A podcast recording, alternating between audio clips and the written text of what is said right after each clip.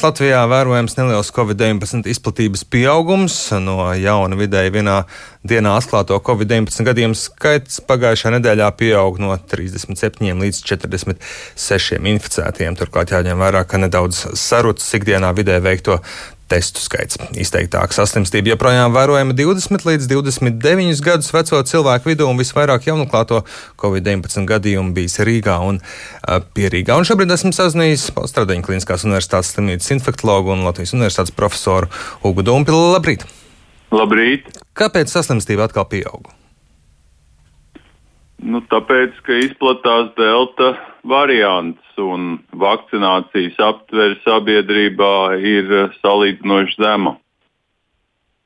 Delta varianta izplatība, par ko tā liecina, ko tā nozīmē, ar ko tas draud? Šis vīrus ir tagad var teikt viens no lipīgākajiem elpoceļu vīrusiem, kas vispār ir nu, līdzīgs vēbakām, kas nozīmē, ka ieejot telpā, kur atrodas tātad pozitīvs uh, cilvēks, uh, ir liels risks inficēties, atrodoties telpā, pat neejot šim cilvēkam klāt. Un tas ir risks ir praktiski dubultojies vai pat vairākas reizes. Tātad augstāks kā bija ar šo uhaņas variantu vīrusu. Jā, nu mēs redzam, ka iepriekšējās nedēļās auga saslimstības rādītāji mūsu kaimiņu valstīs līdzīgas tendences sāk parādīties arī Latvijā. Tas nozīmē, ka varētu atkārtoties iepriekšējā rudens scenārijs un varētu būt varbūt pat uh, vēl sliktāk. Nu, es nezinu, vai būs sliktāk, jo tomēr liela daļa sabiedrības ir vakcinējušies. Bet uh, mums tiešām nu, draud uh, šis uh, saslimstības pieaugums, jo to mēs redzam visās uh, apkārtējās valstīs, arī Skandināvijas valstīs. Mē, pagaidām mums šie ierobežojumi ir salīdzinoši lielāki nekā citās valstīs. Tas varētu būt vienīgais izskaidrojums, kāpēc mēs tā atpaliekam. Jo mums ierobežojumi ir līdzīgi kā Vācijā, kur arī tā nevar visu vaļā. Tas nozīmē, ka šobrīd šie ierobežojumi strādā un mūs mazliet pasargā vai, vai dod laiku? Tieši tā, jo jo pārsvarā nu, šīs, šie notikumi, jūs atceraties, bija Eiropas futbola čempionāts ar tiešām cilvēku nekontrolētu pulcēšanos. Tātad lielā daļā Eiropas valstu ir ceļojumu intensitāte pieaugusi. Nu, mēs tur esam, varbūt neesam galvenā valsts, ko kāds cenšas apmeklēt. Un, ja apmeklē, tad tas vairāk ir dabas uh, sakarā, nevis nakts klubu uh, vai citu izklaides vietu sakarā. Tā, kā, nu, tā tas uh, attīstās lēnām. Varētu būt jāatgriežas pie ierobežojumiem. Infektologi to ieteiks valdībai? Nē, es domāju, ka ierobežojumi nu, šai brīdī mums ir iedibināts šis luksafora princips, un mēs, mums ir liela daļa sabiedrības vakcinēta, saslimstība nav pieaugusi ievērojami. Nu, par ierobežojumiem gan tagad nevajadzētu runāt. Vajadzētu runāt par vakcināciju. Jā, nu, trešdaļa sabiedrības ir vakcinējusies, bet vakcinācijas tempi mēs redzam, turpina sarukt. Tas rada bažas. Nu, neapšaubāmi. Un galvenās bažas ir par to, ka joprojām nav vakcinēta lielākā daļa riska grupu pacientu. Un, ja mēs salīdzinām sevi piemēram ar Dāniju, kur saslimstība ir ļoti augsta salīdzinoši, tad tur eh, šajās riska grupās vakcinācija ir virs 90%. Un tāpēc Dānijā slimnīcas nav pārpildītas ar pacientiem. Bet, ja mēs eh, nu, nevakcinēsimies, piemēram, seniori vai, vai cilvēki ar asinsspiedienu paaugstinātu vai pa lieko svaru, tad mums atkal draud uh, slimnīcu nu, nu, pārslodzi. Ja mēs redzam, ka pēc statistikas Latvija izceļas vienā no rādītājiem, kas ir um, mirstība attiecībā pret saslimušo skaitu.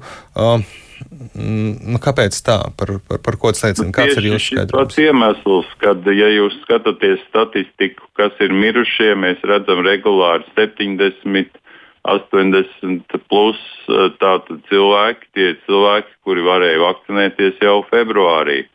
Un citās valstīs šīs grupas nav vakcinētas, līdz ar to šie pacienti uh, ne, nenonāk slimnīcās. Vakcinētie var slimot vieglākās formās, bet nenonāk slimnīcās un uh, nemirst. Jā, kāda ir šī tendence? Ir acīm redzamas atšķirības starp vakcinētiem un nevakcinētiem, jo cilvēki saka, jā, man, es zinu, cilvēks, kaimiņš savakcinējās, bet tāpat saslima, vai un, un līdzīgus gadījumus tādi sabiedrībā izskan, ka vakcīna jau arī nepasaka. Pirmkārt, šī saslimstība ir daudz, daudz retāka vakcinētiem. Tātad otrkārt slimības formas ir vieglākas. Un, ja mēs, tipisks piemērs ir ASV dažādie štati, kurā pilnīgi var redzēt korelāciju starp hospitalizāciju un mirstību, starp štatiem, kurās ir vairāk vakcinēto un mazāk vakcinēto. Tātad nu, pagaidām vakcinācijas efekts ir ļoti pārliecinošs. Līdz ar to vairāk būtu jādomā par vakcināciju, nevis par kādiem jauniem ierobežojumiem, pat ja delta variants Latvijā ieskrienās vēl straujāk. Tieši tā, jo, jo mēs varam, varbūt, kā rāda daudz valsts, piemēram, Lielbritānija, tāpat Lielbritānija, Dānija, kur saslimstība pieaug, tagad samazinās, bet saslimstība ir uz zema, zemāka riska cilvēku rēķina. Ir kādas vakcīnas, kas labāk, kas sliktāk aizsargā pret šiem jaunajiem variantiem un mutācijām? Nu, nelielas atšķirības procentos ir, bet uh, visas šīs vakcīnas aizsargā no hospitalizācijas un mirstības. Arī pret delta variantu tātad šie procenti ir ļoti augsti. Lai gan, uh, protams, saslimstība pie delta varianta, par cik tas ir tik lipīgs, palielinās, un uh, kas ir atšķirībā no citiem vīrusu variantiem, ka saslimušais vakcinētais ar delta variantu varētu inficēt, paspēt inficēt citus šīs nelielās slimības laikā. Citiem variantiem tas nebija vērojams. Jā, nu redzot, kā delta variants izplatās uh, citās Eiropas Savienības valstīs, uh, mums kaimiņos ar līdzīgiem, nelīdzīgiem ierobežojumiem, kādu jūs uh, prognozējat to turpmāko um, slimības attīstību, izplatību Latvijā? Mums rudenī būs bērniem jāiet skolā, tas būs risks izplatībai, bet, nu, protams, skolām būtu jānotiek klātienē, un tāpēc pieaugums saslimstības būs. Es domāju, ka mēs no tā neizmuksim. Turklāt mums ir imports no Krievijas nemitīgs, bet mums ir tātad galvenais arguments pret šo pieaugumu ir vakcinācija, sevišķi riska grupām. Ir reāli sasniegt tādu vakcinācijas aptveri, lai nu, atceltu visus ierobežojumus un, un, un atgrieztos normālā dzīvē, mācības klātienē, veikala apmeklējums bez maskām, nu, tādas lietas. Nu, redzēt, Lielbritānija tagad ir tāds, var teikt, eksperiments, jo tur ir ierobežojumi, bet nu, viņi ir ļoti nelieli. Un, uh, viņiem tā kā vienā brīdī likās, ka neiet galīgi labi, bet tagad saslimstība krīt.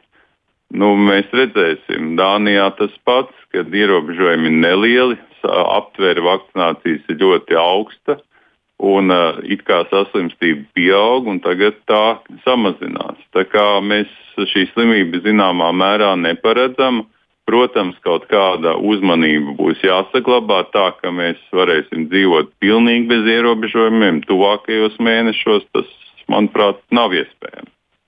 Kā panākt pēc iespējas ātrāk, pēc iespējas lielāku vakcinācijas aptveri? Nu, tas eh, nu, tur jāsaka, jānotiek brīnumam, jo izskatās, ka Latvijā vakcinācija atšķirībā no citām Eiropas valstīm nu, mums nepatīk.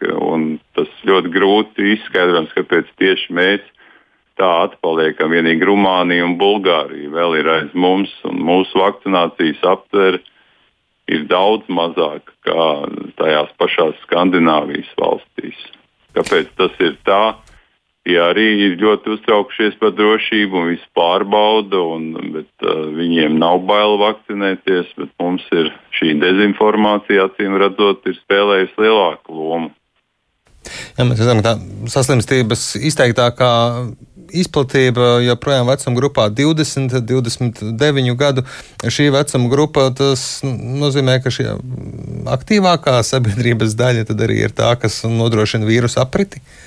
Nu, viennozīmīgi mēs redzam, kas notiek Rīgā, nu, atpūtas vietās. Tātad skaidrs, ka jaunieši ir nocietušies un tiekās šis vīrus ir lipīgāks nekā agrāk, bet tā problēma ir, ka jaunieši šo vīrusu atnes mājās vecākiem un vecākiem.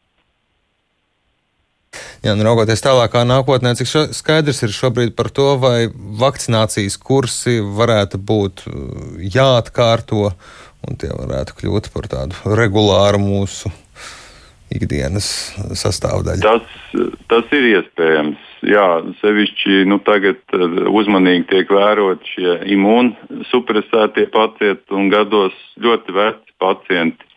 Tie, īpaši tie, kas atrodas sociālās aprūpes namos, tā kā nevar izslēgt, kad uh, šīs uh, trešās devas būs nepieciešamas, bet pagaidām tātad, nu, reti kura valsts ir lēmusi par šīm trešajām devām, jo uh, pagaidām vakcīnas strādā, bet nu, tā, tā izskatās, ka šīs trešās devas vismaz atsevišķām pacientu grupām varētu būt nepieciešams, bet kad tas būs, nu, tad, kad sāks pastiprināt slimot cilvēki vakcinētiem. Jā, obligātā vakcinācija noteiktās nozarēs. Saimā būs karstas diskusijas par šo potenciālo prasību. Kāds ir jūsu skatījums savā ziņā uz šādu piespiedu vakcināciju? Tas ir tas ceļš, kur jāiet? Man nepatīk vārds obligāts. Es vienkārši teiktu, ka ir lietas, ko nevakcinēts cilvēks nevar darīt. Un, un pirmkārt, savas drošības labā. Nu, šis skolotāja jautājums. Nu, Tas ir nu, absolūts apdraudējums skolotājiem, kurš nav vakcinēts, ierasties nevakcinētu bērnu vidū un pavadīt vairākas stundas vienā telpā ar šiem bērniem. Un es nesaprotu, kā tas kaut kā šī ziņa nav nonākusi pie tā, ka pirmais apdraudējums ir tātad pašam šim darbiniekam, kurš bieži vien ir arī riska grupās, un tad, protams, šie darbinieki apdraud citus un medicīnā, piemēram, tas ir īpaši dramatiski. Ja inficēts mediķis, tā tad uh, varbūt viegli simptomātisks vai bezsimptomātisks, aplipina smagi slimu pacientu, kas atrodas slimnīcā. Tā tad ir jāsaprot tā realitāte, ka klātienē nevakcinēti cilvēki nu, darboties atsevišķās profesijās nevar. Tas eh, nav obligāts, tas vienkārši jāsaprot, tas nav iespējams. Nu, kā jūs varat eh, ar nevakcinētiem skolotājiem pie pieaugušas saslimstības, piemēram, noturēt stundas klātienē? Jā, pedagogi ir teikuši arī par to, ka nu, šobrīd eh, gan Latvijā, gan citvietā pasaulē no, var vakcinēt bērnus no 12 gadu vecuma. Pie mums skolā iet arī jaunāki. Pieļaujiet, ka arī mazākiem varētu mm, ar laiku būt šīs vakcīnas. Nu, es saprotu, ka varētu būt oktobrī, novembrī šīs informācija vai, vai šīs tātad vakcīnas būs pieejamas bērniem, bet nu, tas varbūt nav tagad mērķis vakcinēt bērnus. Mūsu mērķis ir vakcinēt uh, pieaugušos, jo bērniem šī slimība izpaužās tomēr vieglāk, lai gan ir atsevišķi smagi gadījumi.